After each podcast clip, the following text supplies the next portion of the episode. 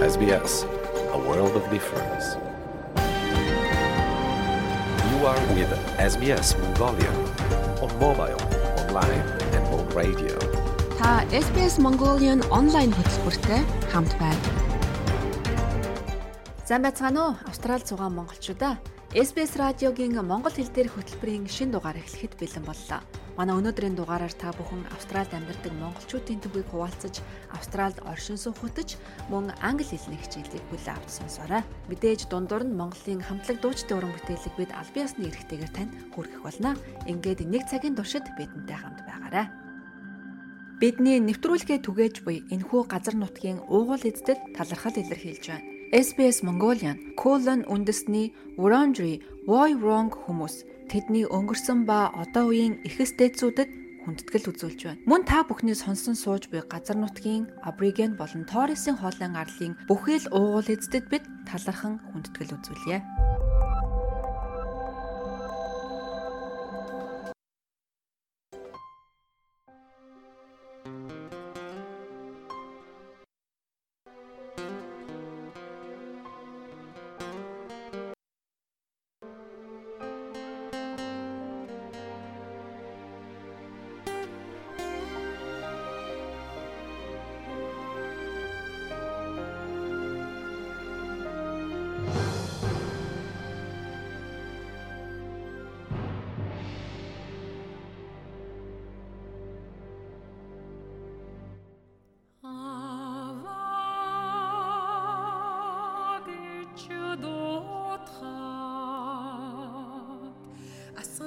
bayır ateşinde tel yılına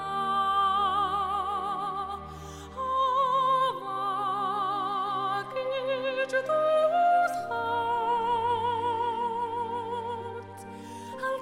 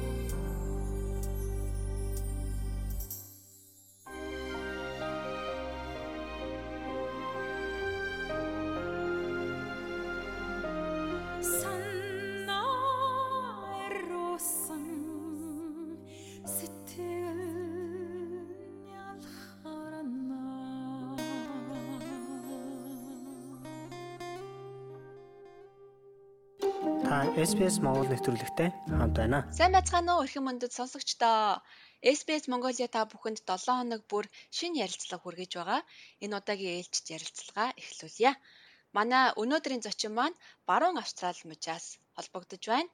Тэгэхээр Австралийн Куртний их сургуулийн боловсролын сургуулийн ахлах судлаач, хэл шинжилгээ ухааны доктор, за сургуулийнхаа хэрэглээний хэл шинжилэл болон гадаад хэлний тэнхимийн эрхлэгч Синдер манай өнөөдрийн зочноор урагдж байна. Сайн уу Синдрэ? Орой минь дундраа намайг урьж оруулж аваад маш их баярлалаа. Урилгыг мань хүлээж авсанд бас маш баярлалаа. А та бүхэн санаж байгаа бол бид өмнө нь Австралийн засгийн газар эрдэм шинжилгээний судалгааны консулоос олгодог Discovery Early Career Researcher Award 2022 шагналыг хүртсэн мөнх баяртай ярилцж байсан. Хэрвээ та энэ ярилцлагыг сонссон бол энэ шагналыг одоо хоёр монгол хүн аваад байгаа. Нэг нь манай мөнх баяр, харин өмнө нь 2018 оны энэ award-ыг манай Синдер маань авч байсан гэдгээр нь бас танилцуулах хэрэгтэй байхаа. А Синдер маань бол хэл шинжилгээний салбарт ажилладаг. Яг энэ салбараараа бас одоо дэлхийн томоохон сэтгүүлүүдэд өөрийнхөө нийтлүүдийг гаргадаг Австралид амьдардаг цөөхөн монголчуудын маань бас бахархалтай сайхан монголчуудын маань нэг юм шүү. Тэгээд Синдрэ Австралид ер нь хизээ ирсэн бэ? А энд ирсэн анхны зорилготой нь юу байв? Хэр удаж байна? Зорилгодоо хэр хүрч байна? Энэ тухайгаа хоёлаа яриаганаас яриагаа эхлэе. Би хамгийн анх Австралид 2005 онд ирж исэн тухайн үед нөгөө Австралийн засгийн газраас Australian Development Awards гэдэг засгийн газрын scholarship анх Монголд хэрэгжээд ирсэн шүү дээ. Тэгээд тэр анхны scholarship-уудынх нь нэгэнд нь apply хийгээд тэгээд тэнцээд магистртаа яг өөрийнхөө мэрэгчлэр хэл шинжилгээний мэрэгчлэр анх 2005 онд Сиднейд иржсэн. Сиднейгийн University of Technology Sydney гэдэг сургууль байдаг. Тэнд магистра хийх гээд ирж байлаа. Тэгээд өргөжлүүлээд дараа нь PhD-д сурсан UTS гэх сургуультай. Тэгээ PhD-д болохоор зэрэг Endeavor Scholarship гэдэг байд. Тэнд бас apply хийгээд бас азар тэмцэж байлаа. Тэгээ 2014 онд PhD-г хамгаалаад А PhD-гээ хамгаалчаад би Австралид шууд үлдээгүй. Эхлээд Японы Aizu-гийн их сургуульд би associate professor, lead professor болоод PhD-гээ хамгаалаад шууд явж ирсэн. Тэгээ Японд очиод 2 жил гаруй ажиллаад буцаад Австралигаа санаад тийм Австралигаа санаа тэгээ буцаад одоо нөгөө Австралийн Research Council буюу Австралийн шинжилгээ ухааны council тэр Discovery Early Career Research Award гэдэг одоо мөн хоёр саяхан авсан тийм манай Монгол Эрдэмтэн мөн хоёр тэнд би анх аплай хийсэн. Японоос хийсэн шүү дээ тий. Тэгээд их сургуулиудаа сонгодог. Тэгээд Кёртний их сургуулийн баруун Австралид Кёртний их сургуулийг би сонгоод буцаад 2018 онд Австралид ирээд одоо ингээд мэрэгчлэрээ Кёртний их сургуульд одоо ажиллаж байна. Аа. Тухайн үеийн судалгааны төслийн судалгаа нь юу байсан бэ? Тэр бас сонирхолтой төслүүд шалгардсан юм байлээ гол миний сэдв бол linguistic racism гэсэн нэртэй сэдв биш. Урд нь хийгдчихсэн судалгаанууд бол зөвхөн одоо айр сүнгөөр ялгуурлах эсвэл хүүсээр ялгуурлах тийм ээ. Эсвэл нас насаар ялгуурлах гэх юм уу? Тиймэрхүү судалгаа их хийгдчихсэн болохоос биш юм. Яг яг хэлэн дээр тулгуурласан расизм гэсэн тийм судалгаа бол маш ховор байсан тухай үед. Тэгээ би яг тийм судалгааны gap буюу хэрэгцээг олж хараад те Ингээд би одоо racism гэдэг энэ term байна. Ялгарлан гадуурлах үзэлгээд энийг би хэл шинжил дээр авч үзье гэд Австрали Австралийн тэр консулт шинжлэх ухааны консулт би анх гранта бичээ. Тэгээд тэмцэж байлаа. Тийм. А тэгээд одоогоороо бол энэ 4 жил байдаг л та 3-аас 4 жил байдаг. Тэгээд би 4 жилийнхэд нь тэмцээд тэгээ одоо миний миний энэ судалгаа одоо дөрөвдөх жил буюу одоо би сүүлчийн жил дээр явж байгаа. Одоо энэ жил дуусаад тэгээд эх жилээс шинэ төсөл дээр ажилланаа тийм.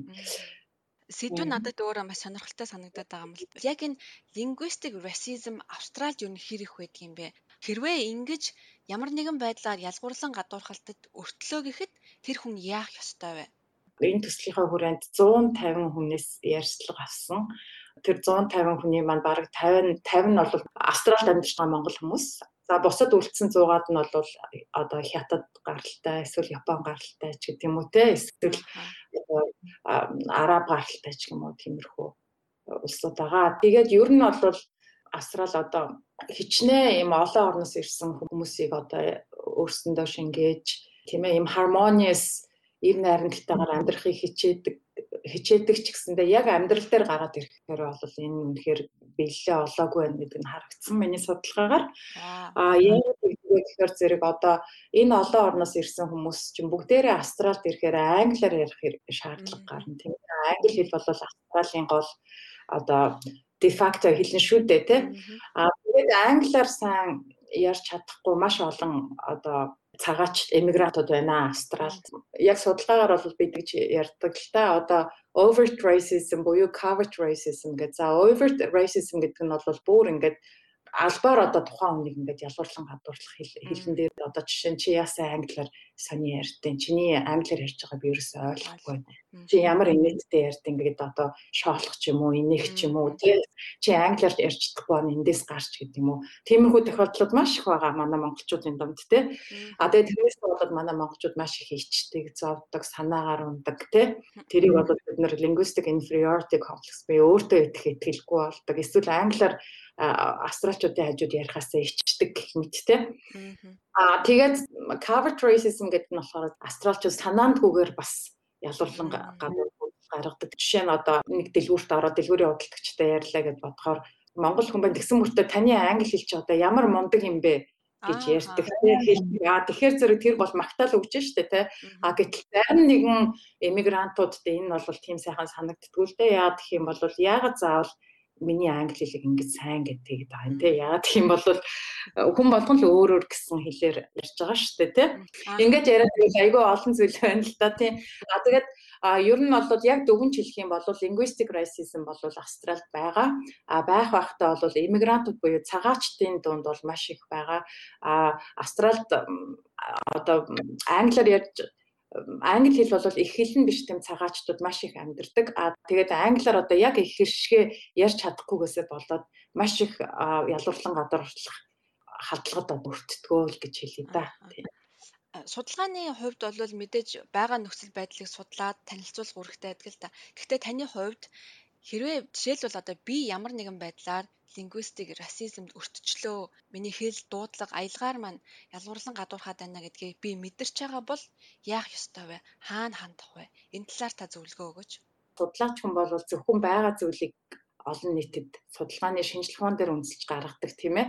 А энэ гол recommendation-ыг болохоор зэрэг одоо жишээ нь policy makers буюу одоо засгийн газарт ажиллаж байгаа хүмүүс тийм а decision makers гэдэрийн судлаачдын гарсан гаргасан судалгаан дээрээс тулгуурлаад та тэгвэл энэ судалгаа ингэсэн учраас та ингүүл зүгээр юм байна гэдэр гэсэн зөвлөгөө өгөх ёстой байдаг л да. Ер нь бол яг системээрээ олвол а гэхдээ би өөрөө мэдээс судлаач хүн энийгаа судалсан. Миний би өөрөө бас эмигрант гаралтай хүн учраас миний бодлоор бол хэрвээ та ганцхан одоо хэл усны ялгуурлан гадуур linguistic racism биш ер нь racismтэй хаа нэгтэй ингээд астрал давтаа учрах юм бол заавал репорт хийж мэдэгдэж вэ гэж би зөвлөхөөр байна. Одоо жишээ нь тий хамгийн эхлээл одоо triple zero гэл одоо дугаар байна шүү дээ тий.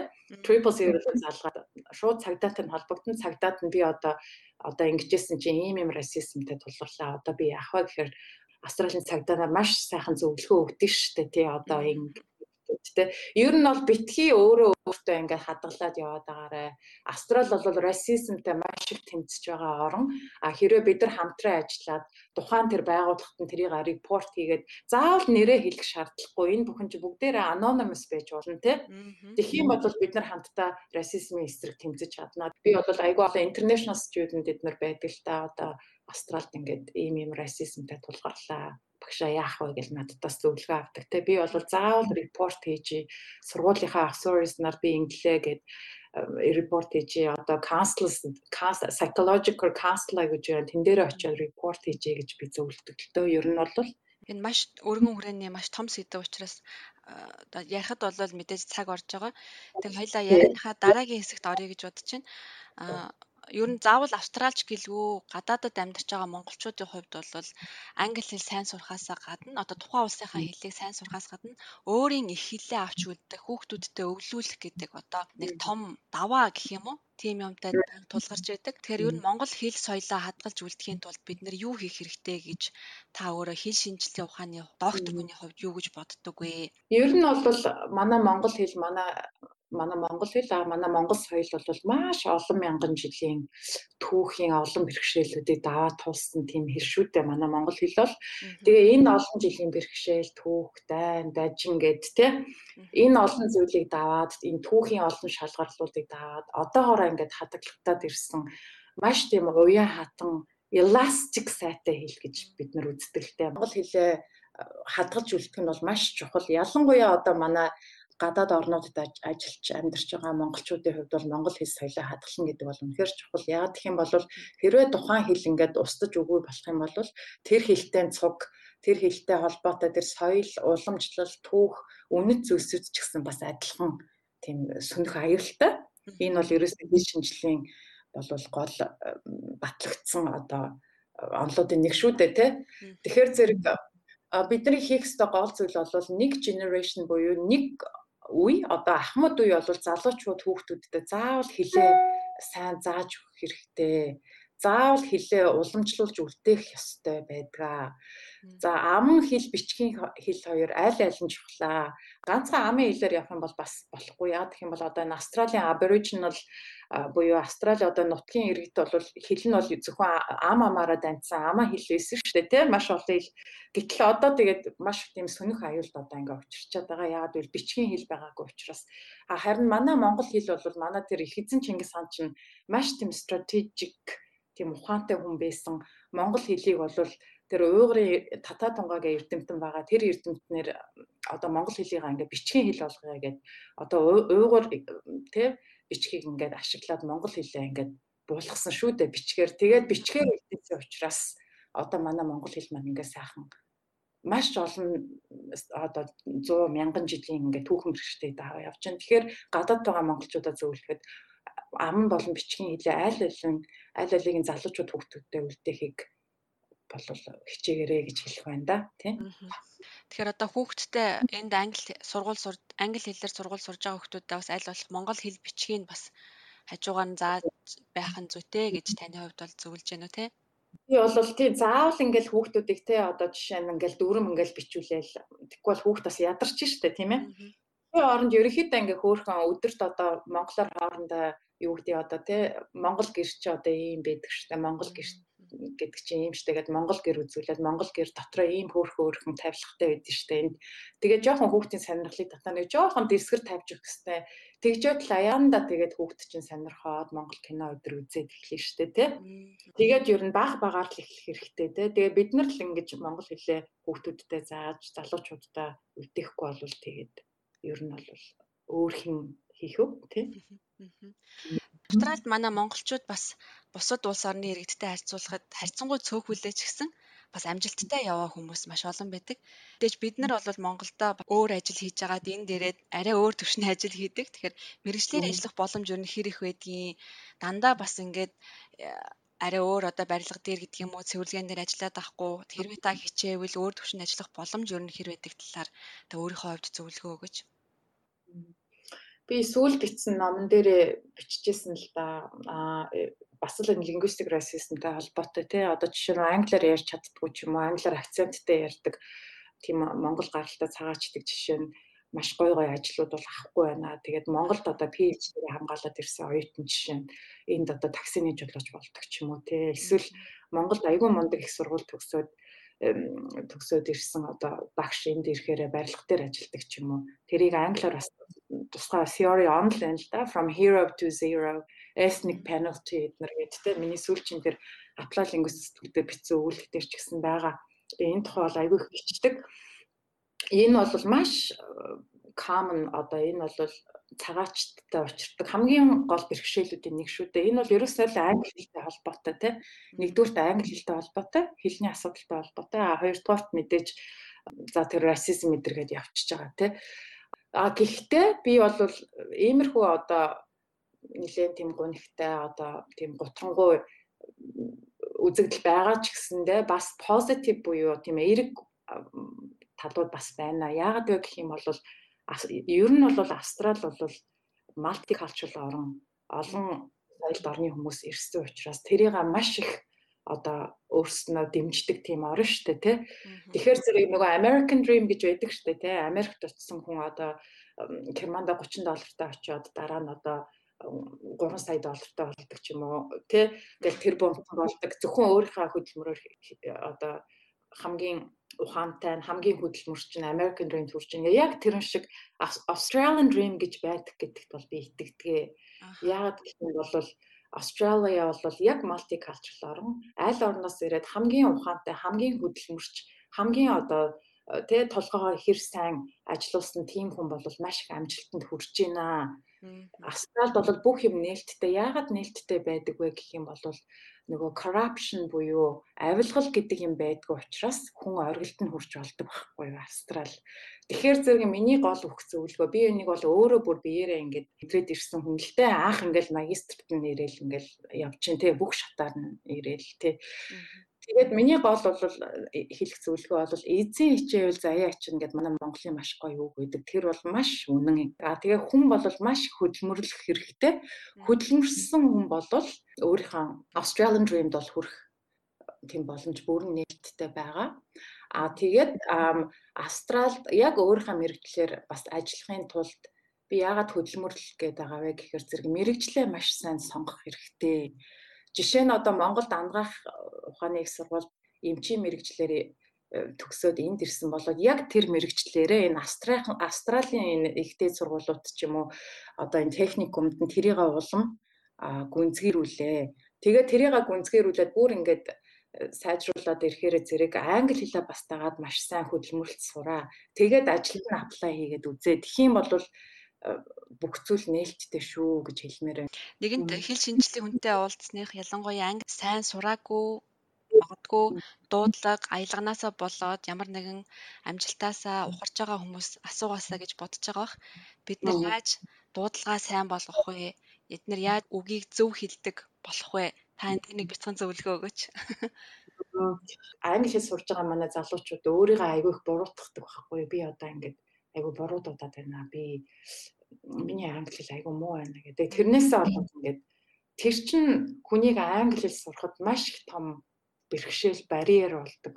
Тэгэхээр тэр өөрийнхөө тэр subjective тэр барьер болоод байгаа тэр сэтгэлгээ бол ерөөсөө авч хаях хэрэгтэй. Тийм. Ер нь бол миний гол хэлэх зөвлөгөө бол өөртөө маш сайн ихтэй байх хэрэгтэй. Тэгээд гарч нийгэмших хэрэгтэй. Netbook-ийн socializing маш сайн хийх хэрэгтэй. А тэгээ мэдээж За энэ бол мэдээж зөвлөгөө л дөө. А Австралийн Австралиар сургуудаар нь гарч байгаа янз бүрийн мэдээ, кино, ньюс, кино өдрийг маш сайн үзэх хэрэгтэй л гэж зөвлөе да тийм. За баярлалаа. Тэгээд ярилцлагын хугацаа богино юм да асуумаар юм байгаа боловч ингээд хугацаа мань дуусч байна. Гэхдээ хоёлаа бас дараа нь эргээд уулзах боломж олдох байх гэж найдаж байна. Энэ ташранд бас сонсогчтой хэлэхэд манай Синдер маань баруун Австрали мужид амьдардаг. Тэгээд тэндээ бас Монгол сургууль байгуулахаар төлөвлөж байгаа. Тэгээд удахгүй яг энэ сургуулийн тухай, сургуулаа байгуулсныхаа тухай ярилцах боломж олдох байх гэж найдаж байна Синдрэ. Дараагийн маань урилгыг хүлээж аваарай.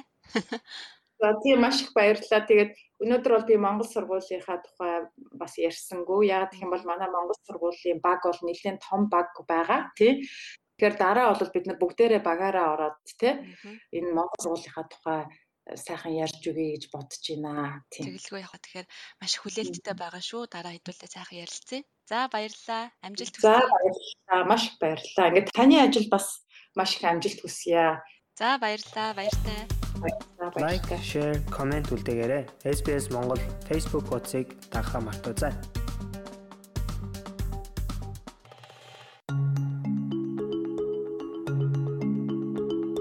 SBS Mongolian танд таалагдсан бол сошиал ертөнцид бидэнтэй холбогдож ярилцаарай.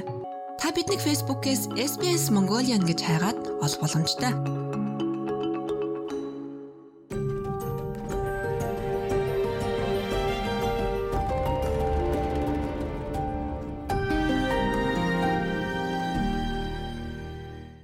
SBS Mongolia хөтөлбөртэй хамт байгаа танд баярлалаа. Та SBS Монгол нэвтрүүлэгтэй хамт байна. Сайн мэцхан уу сонсогчдоо оршин суух хөтөч болонгийн энэ удаагийн дугаартаа бид Австрали жирэмсний эрт үеийн хяналтанд орох нь яагаад чухал тухайд ярилцах гэж байна. Сүүлийн үеийн статистик мэдээлэлээс харахад Австралид дөрвөн эмэгтэй тутмын 3 нь жирэмсний эхний 14 хоногтой хяналтанд хамрагджээ. Эхний 3 сарда багтаж жирэмсний хяналтанд орох магадлал багтай хүмүүсийн тоонд гадаадд төрсэн эмэгтэйчүүд болон залуу эмэгтэйчүүд багтаж байна. Жирэмсний эрт үеийн мэрэгжлийн эмчийн хяналтанд орох нь ээж болон урагт цаашлаад тухайн гэр бүлд чухал ач холбогдолтой байдаг тухайд эмчнэр зөвлөж байна. Тэгэхээр жирэмсний хяналтанд эрт үедээ орох нь яагаад чухал вэ? SBS Монгол нэвтрүүлэг таны гар утас болон цахим хуудасд нийлдэхтэй байна. Бид нэвтрүүлгийнхээ эхний зочноор Мельбурн хотын Multicultural Center-ийн эмэгтэйчүүдийн эрүүл мэндийн газрын гүйцэтгэх захирал доктор Адиле Мурдолотой ярилцлаа. Тэрээр жирэмсний хяналт нь жирэмсэн эмэгтэйн хувьд болон түүний хүүхдийн эрүүл мэндийг сайжруулах аливаа эрсдлээс урьдчилан сэргийлэх зорилготой хэмээн яриагаа эхлүүллээ. Та бие давхар болсон гэдгээ мэдсэн даруйда эмчтэй уулзах цаг авах хэрэгтэй.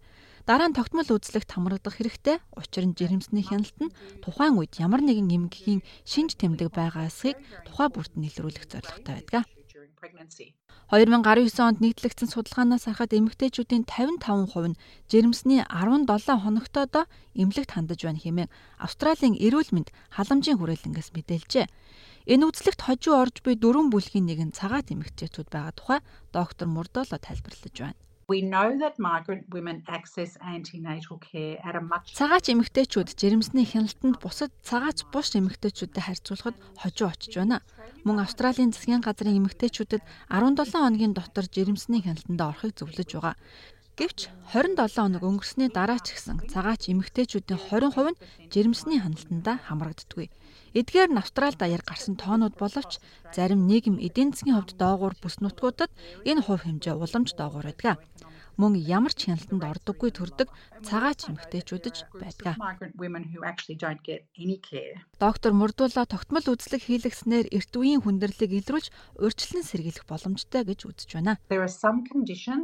Цагаач болон дөрвөгч эмэгтэйчүүдийн дунд жирэмсний чихрийн шижин мөн амьгүй төрөлтийн төвшин өндөр байдаг. Тиймээс жирэмсний хяналтын үед альва асуудлыг эрт илрүүлэх төрөх үед гарах хүндрэлийг урьдчилан сэргийлэх боломжтой. Аманда Хенри бол их барих эмэгтэйчүүдийн чиглэлээр дэд профессор золтой. Сидней дэх Сент Жорж улсын эмнэлэг болон Royal Hospital for Women эмнэлгийн их барих эмэгтэйчүүдийн эмч юм а. Тэрээр жирэмсний эхний үзлэгийг 14 дахь 7 хоногоос хойш биш харин эхний 17 хоногтой багтаан эхлүүлэхийг зөвлөж байна. Бидний жирэмслэлтийн үед хийдэг шинжилгээнүүд нь гурван үндсэн ангилалд хуваагддаг. Хит авийн онцлогоо цус, замган шээсний төрлийн шинжилгээнүүд үүнд багтдаг. Нэмээд умаан хүзүүний үзлэг, цусны даралтыг шалгах, сэтгэл зүйн эрүүл мэндийг шалгах зэрэг бусад шинжилгээнүүд багтдаг. Профессор Хенри хэлэхдээ шинжилгээний эхний уулзалтыг GP дээрээ цаг авч товлож болно гэлээ. Жирэмсэлсэн гэдгээ мэдсэн даруйд эхлээд GP-ийн эмчтэй үзүүлэх хэрэгтэй. Эхний үзлэгээр эмч чинь тухайн эмэгтэй цусны даралтыг үзэж ерөнхий эрүүл мэнд хэр байгааг шалгаж жирэмслэлт нь нөлөөлж болцсохгүй нөхцөл байдлыг анхан шатны үнэлгээ хийдэг. Тэгээд цус шээсний шинжилгээ хийлгэх эмчийн бичиг хийж өгдөг. Дараа нь танд төрийн болон хувийн хөвчлийн тусламж үйлчилгээний аль нэгийг сонгох боломж өгнө. Австралийн жирэмсний хяналтын тусламж үйлчилгээнд 18-аас 20 дахь 7 хоногт нэг удаа ультрасаунд хийлгэхийг санал болгодог. Гэхдээ хэрэгтэй гэж үзвэл өөр нэмэлт үзлэг хийлгэж болно.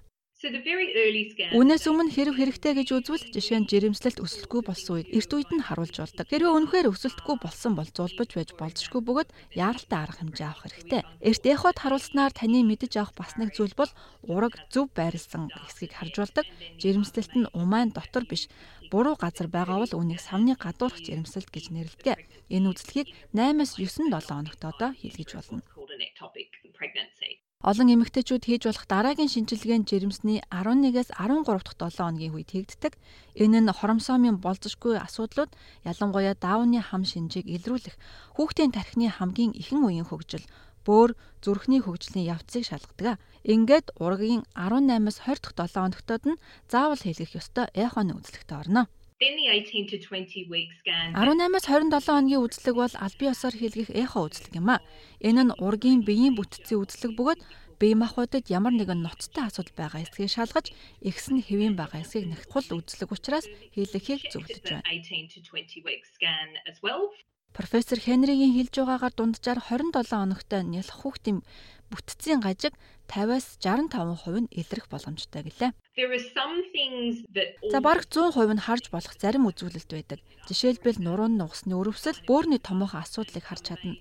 Гэвч зүрхний баг зэргийн асуудал гэх мэт бусад асуудлууд ялангуяа хүүхдийн арга эстэй холбоотой зарим нарийн үзүүлэлтийг жирэмсний хожим үе хүртэл тодорхойлох боломжгүй байж болно. Тэгэхээр хүүхэд эрүүл байх болно гэдгийг бүрэн баталгаажуулах ганц удаагийн шинжилгээ, хосолсон шинжилгээч байхгүйг тэрээр онцлон хэллээ. Гэсэн хэдий ч жирэмсний хяналтаа сайн хийлгэж эрт үеийн хүндрэлийг илрүүлэх, урьдчилан сэргийлэх зарим тохиолдолд амьгүй төрөлтөөс урьдчилан сэргийлэх боломжтой гэж доктор Мурдол онцллоо. Ингийн тулд жирэмсэн босноо мэдсэн даруйда эмчтэйгээ уулзахыг зөвлөж байна. Хэрвээ та амьжтайгаа англи хэлээр бүрэн ойлголцоход хэцүү байгавал орчуулагч авч болно шүү гэдгийг тэрээр онцлоо. Учир нь олон эмэгтэйчүүд үүнийг мэдэхгүй хэсэ болж эмнэлэгт хандхаас зайлсхийдэг бололтой. Эмчтэйгээ илүү сайн ойлголцохын тулд орчуулагч авч болно. Ийм асуудлаас болж үзлэгээ хойшлуулах нь яавч сайн зүйл биш. Та орчуулагч хэрэгтэй гэдгээ өөрийн эмнэлэгтээ урьдчилж мэдэгдэх нь таны хэлээр ярьдаг орчуулагчийг олоход илүү хялбар болох юм а. Early Орчин суугтж булангийн удаагийн дугаар инх өндөрлөж байна. Та орчуулагч болон бусад хэрэгтэй тусламж авах цахим хаяг утасны дугаарыг нэвтрүүлгийн тайлбар хэсгээс аваарай. Австрали улсад байгаа бусад монголчуудтайгаа холбогдоорой. SBS.com.cg юу урагшаа зураас Mongolian хуудасаар зочлоорой.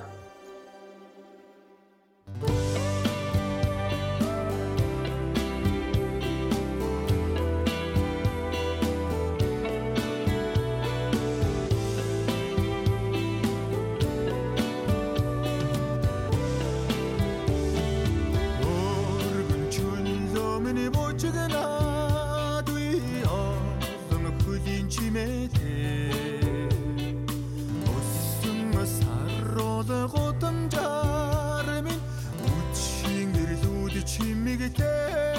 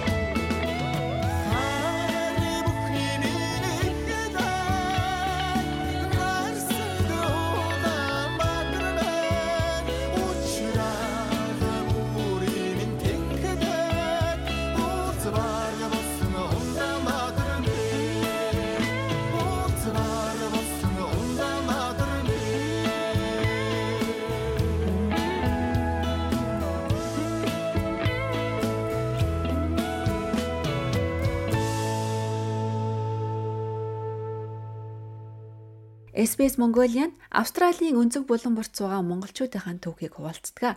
Ингээд манай ярилцлагын болон анхаарлаа хандуулно.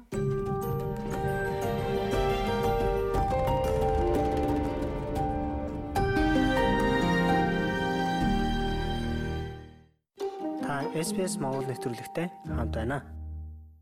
Сайн мэцхан Австрали зугаа монголчуудаа SBS Mongolia 7 хоног бүр хүргэдэг шинэ ярилцлагын булангаа та бүхэндээ хүргэх гэж байна. Энэ удаад бид нэр Австралийн хүнсийг энд амьдарч байгаа монголчууд маань хэрхэн сонгох вэ? Яаж хэрэглэх вэ гэдэг сэдвээр ярилцах гэж байна. За манай өнөөдрийн зочин шимт хичээлийн зөвлөх хоол ба хөвшмөл төөрөгдлийн тайлал номын зохиолч Наран Чимэг оролцож байгаамаа. За сайн байна уу нарагчаа урилгын минь хүлээж авсанд баярлалаа. Баярлалаа. Намайг урьсанд бас баярлалаа. Би бол одоо энэ Австралийн хүнсийг сонгохдоо дээрээ тэр 5 ноттой байх юм бол ямар ч үнэтэй байсан одоо эрүүл хүнс хэрэглэе гэдэл юу наваад идэг гэсэн. Тэгэхээр бас л буруу сонголт хийдэг байсан байж тээ тий. Тэгэхээр тань Австралид амьдарч байгаа монголчуудаа энэ хүнсний шошхыг зөв унших тухайд бас зөвлөгөө өгвөл. Тэгээ хүнсний шошхыг би нөгөө нэг хэлсэн одоо дэлгүүр явахдаа тэр хайрцаг савтай амиг бол аль болох авахгүй хичээдэг. Тэгэл тэр чинь нөгөө нэг ихэнх нь ерөөсөө 4 одтой 5 одтой 3.5 одтой гэд. За тэгээд 5 одтой л хамгийн сайн гэж бодоод авч байгаа байхгүй. Тэгээд дараа нь өө эн чинь орцыг унших шаардлагатай байна гэх. Тэгээд 5 одтой хоолны орцыг уншихад чинь ургамлын тос орцсон л байгаа даа байхгүй юу? За тэгэхээр сахаргүй гэдэг ингээд бас байж байгаа. Тэгээ 5 удаа. Сахар гэдэг чинь бид нар ихэнх хүн нөгөө нэг цагаан хар сафраар боддог. Тэгсэн чинь сафр ч ерөөсөө 56 төрлийн сафр байгаа даа байхгүй юу? Тэгэхээр чи нөгөө сахаргүй 5 уттай гэдэг ингээ авчдаг. Тэгсэн чинь сахарын орлуулга чинь сукролоос байж таарж байгаа байхгүй юу? Тэгээ за яг хаяа сукролоос аспартейтыг хэрглэж болно. Тэгээд тэр чинь тэр хоолыг хэр үргэлж идээд давтамжтай идээд байдаг чинь бас л гидснийхаа бактерид нөгөө эсвэргээр нөлөөлөл байгаа гэсэн. Тэгэхээр чин тэр орцыг л сайн унших хэрэгтэй. Түнсэж тэр од мод нь бол би тэрийг одоо ерөөсөө итгэж байсан. Тий.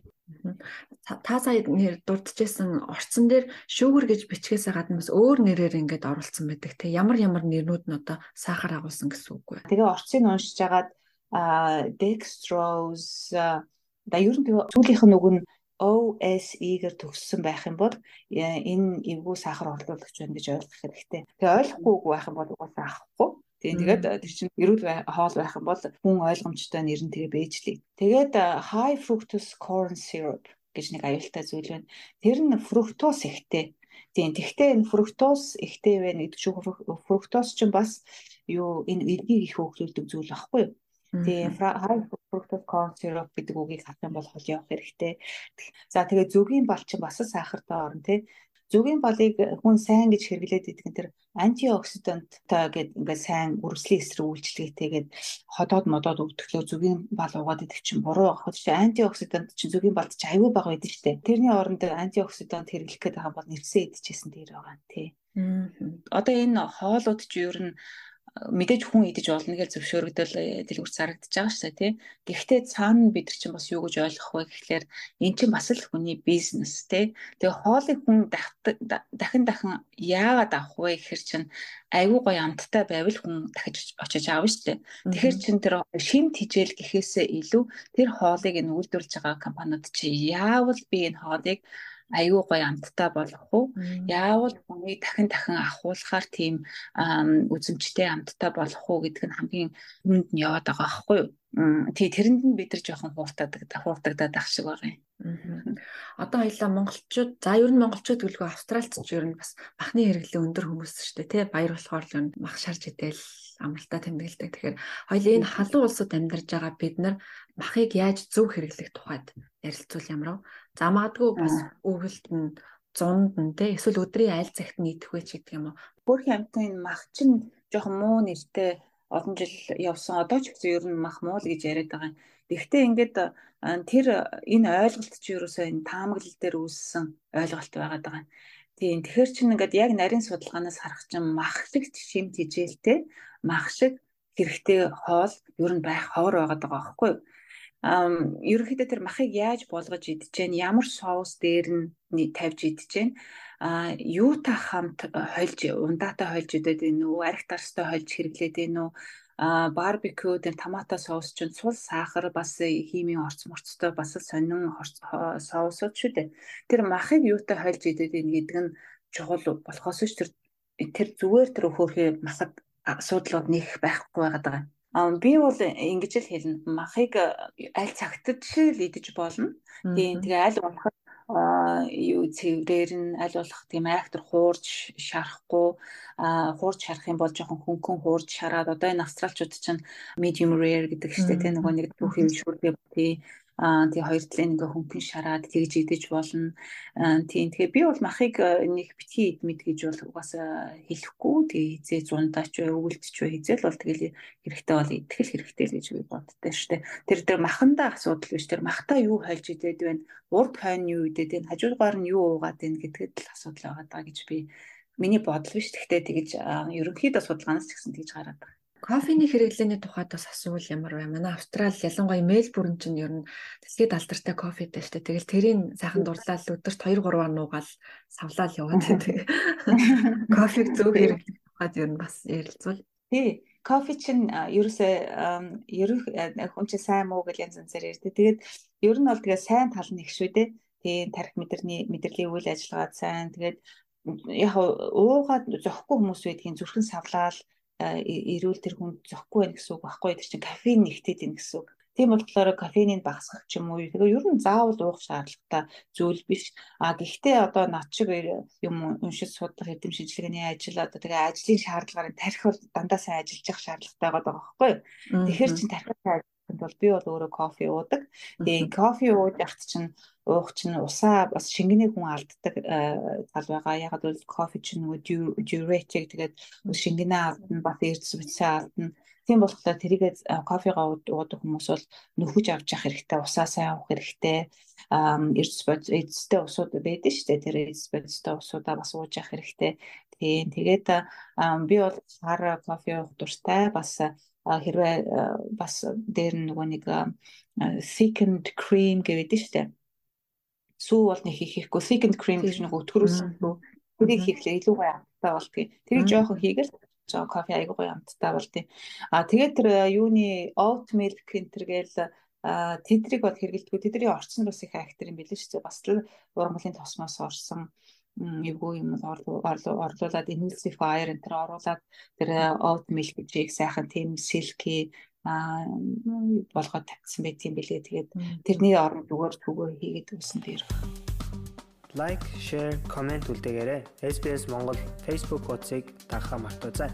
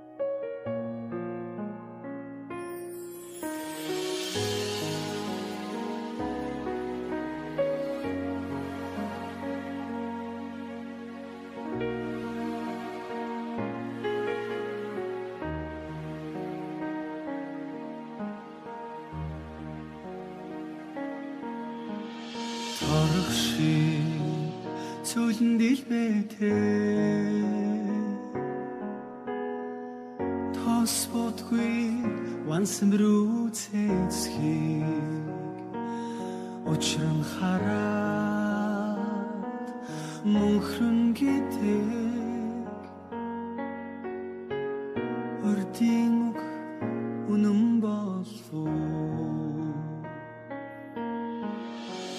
Тэгвэл би тэр сайхан Вансан рүү цэцхийг тэртэй уулын ороод байвал ээжигээ би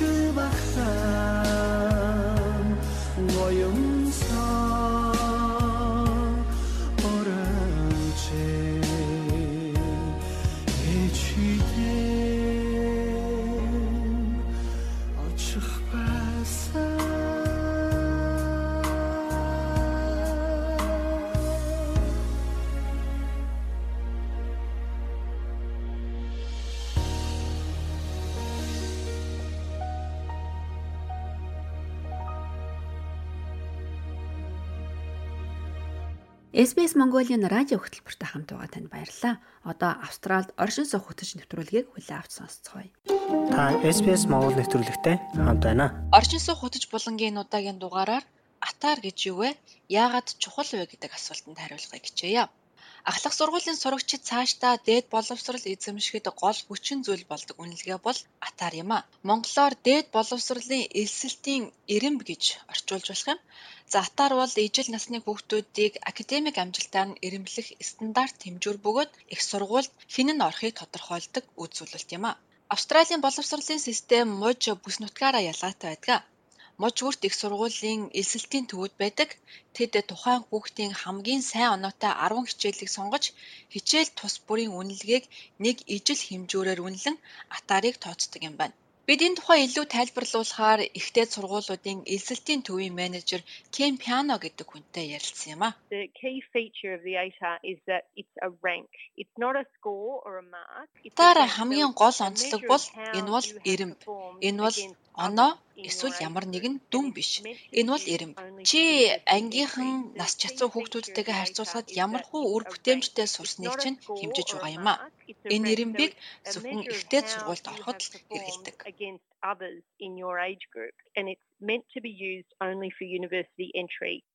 Атаар авахын тулд Виктория мужийн сурагчид гэхэд мужийнхаа боловсролын гэрчлэгээ буюу Victoria Certificate Education авсан байх ёстой. Харин Тасмания мужийн сурагчид бол дээд боловсролын босго оноог үндэслэдэг. Харин New South Wales мужийнхан элсэлтийн төв нь Higher School Certificate-ийг авсан сурагчдад атаарыг олгодог юм байна. Муж бүр өөр өөрийн гэсэн ахлах сургуулийн системтэй атаарыг бие даан тооцдогч муж хооронд шилжүүлэн тооцох аргачлал бий гэж манай зочин тайлбарлаж байна. If I get a 70 ATAR in New South Wales, I want to go to university in say Melbourne. Хэрвээ би New South Wales-д Uni and 70 they оноотойгоор accept авсан гэж бодъё. 70 Гэхдээ Мельбурний их сургууль сурах хүсэлтэй байгаа. Тэгвэл би өргөдлөө Victoria. So сургуульд гаргаж болно. Би Викториад биш New South Wales-д тооцсон оноогоо even though Викторийн each муж state руу хүлээн зөвшөөрүүлэх хүргэлт гаргана гэсэн үг юм а. Get my 70 Муж бүр бие даасан тооцоолох аргатай бас үүрэгтэй байдаг ч Victoria. муж хооронд шилжүүлэх боломжтой байдаг.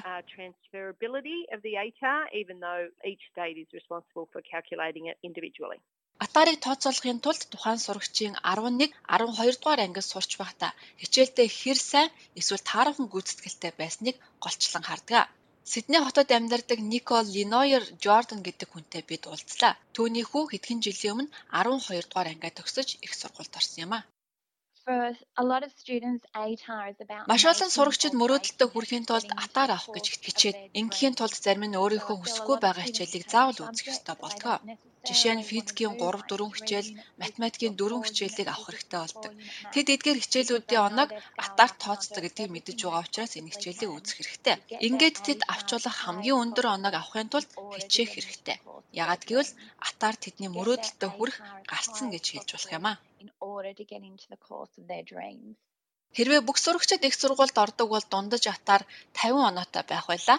Гэхдээ тийм биш учраас одоо дундаж атаар ихэвчлэн 70 орчим байдаг гэж элсэлтийн төвийн менежер ярьж байна.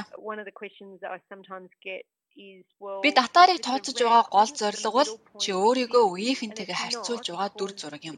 Үнийгээ бусад мужруулж шилжүүлэх боломжтой. New South Wales мужийн их сургууль сайхан элсэн орсон нэгэн зочинтой ярилцлаа. Тэрээр атаарыг яг яаж тооцож байгааг ойлгоход амаргүй байсан тухайга ингэж ярьж байна. In terms of how the ATAR is calculated, Би атаар тооцоолж байхдаа яг энэ тухай олон багш олон хүнээс асуусан ч янз бүрийн өөр өөр өнцгөөс тайлбарладаг байсан. Гэхдээ энэ үнэхээр бүр үнэхээр төвөгтэй ойлголт. Атаар авахын тулд сурагчид онлайнаар бүртгүүлэх хэрэгтэй гэж манай зочин тайлбарлаж байна. Uh, for year 12s, the application is pretty straightforward. 12 дугаар ангийн сурагчид хүсэлтээ гаргахад маш амархан. Тэд сурагчийн дугаараа оруулах хэрэгтэй. Энэ дугаараар бид тухайн сурагчийн хувийн мэдээллийг орон нутгийн мэдээллийн сангаас авдаг. Тэгэхээр тэд хүсэлтээ гаргахдаа ямар чиглэлээр сурахаа бөглөх л үүрэгтэй. Бас хүсэлт гаргасан төлбөрөө төлөх ёстой. Uh, applying for and uh, pay the application fee. Төгсөлтийн шалгалт өгч ахлах сургуулаа төгсгөн сурагчийн хувьд амаргүй даваа байдаг. Учир нь тэдний авсан оноо атаарт хэр эрэмблэгдэхээс их зүйл хамаарч байгаа учраас чармаах ёстой цаг үеийн юмаа гэж Никол Ленор ярьж байна. Тэрээр зарим ихтэй сургуулиуд олон сонголтыг сурагчдад өгдөг. Сургууль хоорондоо шилжих, сонгосон мэрэгчлээ өөрчлөх боломж эсвэл хичээлээ эрт эхлүүлэх боломж ч бий гэдгийг тэрээр онцолж байна. There were always back doors. So if you didn't get the mark to get into medicine, Хүүхдүүд дандаа л эргэж буцаж байдаг шүү дээ. Тэгэхээр хэрвээ чи ангаахын чиглэлээр сурахыг хүссэн ч хангалттай оноо авч чадаагүй гэж бодъё. Гэхдээ чи ангаахтаа л ормоор бүр шантаршгүй их хүсэж байгаа гэж бодъё. Ингийн тулд шинжлэх ухааны чиглэлээр дахин сураад ангаахтаа орж болно. Үүнтэй адил урлагийн сургуульд орсон боловч хуулийн чиглэлээр явах хүсэлтэй байгаа бол бас л энэ чиглэлээрээ илүү суралц үнэхээр хүсч байвал битгий бууж ямар боломж байгааг судлах хэрэгтэй. Та атаарыг яаж тооцдог, яаж хүсэлтээ гаргах, чиний оноо дүн яаж шилжүүлэх гэх мэтийг илүү сайн мэдхийг хүсэж байгаа бол мужийнхаа ихтэй сургуулийн эзэлтийн төвд хандан ярилцаж үзээрэй. Муж бүс нутгуудын эзэлтийн төвүүдийн вебсайтуудыг нэвтрүүлгийн тайлбар хэсэгт орууллаа. Энэ удаагийн оршин суух хөтөч нэвтрүүлгийн дугаар инхүү өндөрлөж байна. Та хэрэгтэй мэдээллийг бусдтайгаа хуваалцаж тэдэндээ санаа тавиарай. SBS Монгол хэлээр бидний нэвтрүүлгийг Facebook сошиал хуудасаар бусдаа хуваалцаарай. SBS радиогийн монгол хэл дээрх хөтөлбөртэй хамт байсан танд баярлалаа. Эх 7 хоногийн пүрэв гарагт 2 цагт эргээд уулзцагаая. Түр баяртай.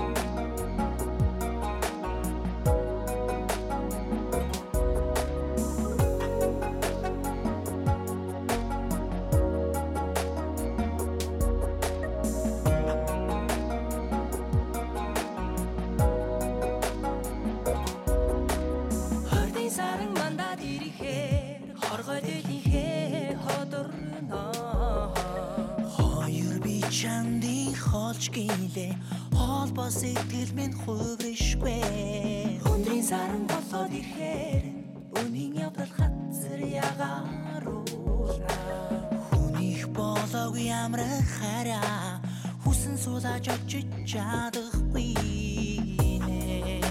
Сайхан талаасаа. Ярам бичээ очиж явандаа Амрагын зүрхэнц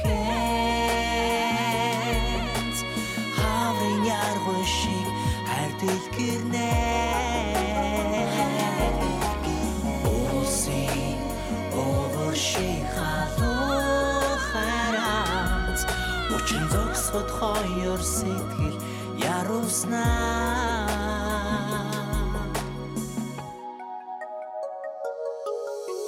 Шиний сарын дэвшээд ирэхээр ингэлтэйжэр гинцэг асгарна.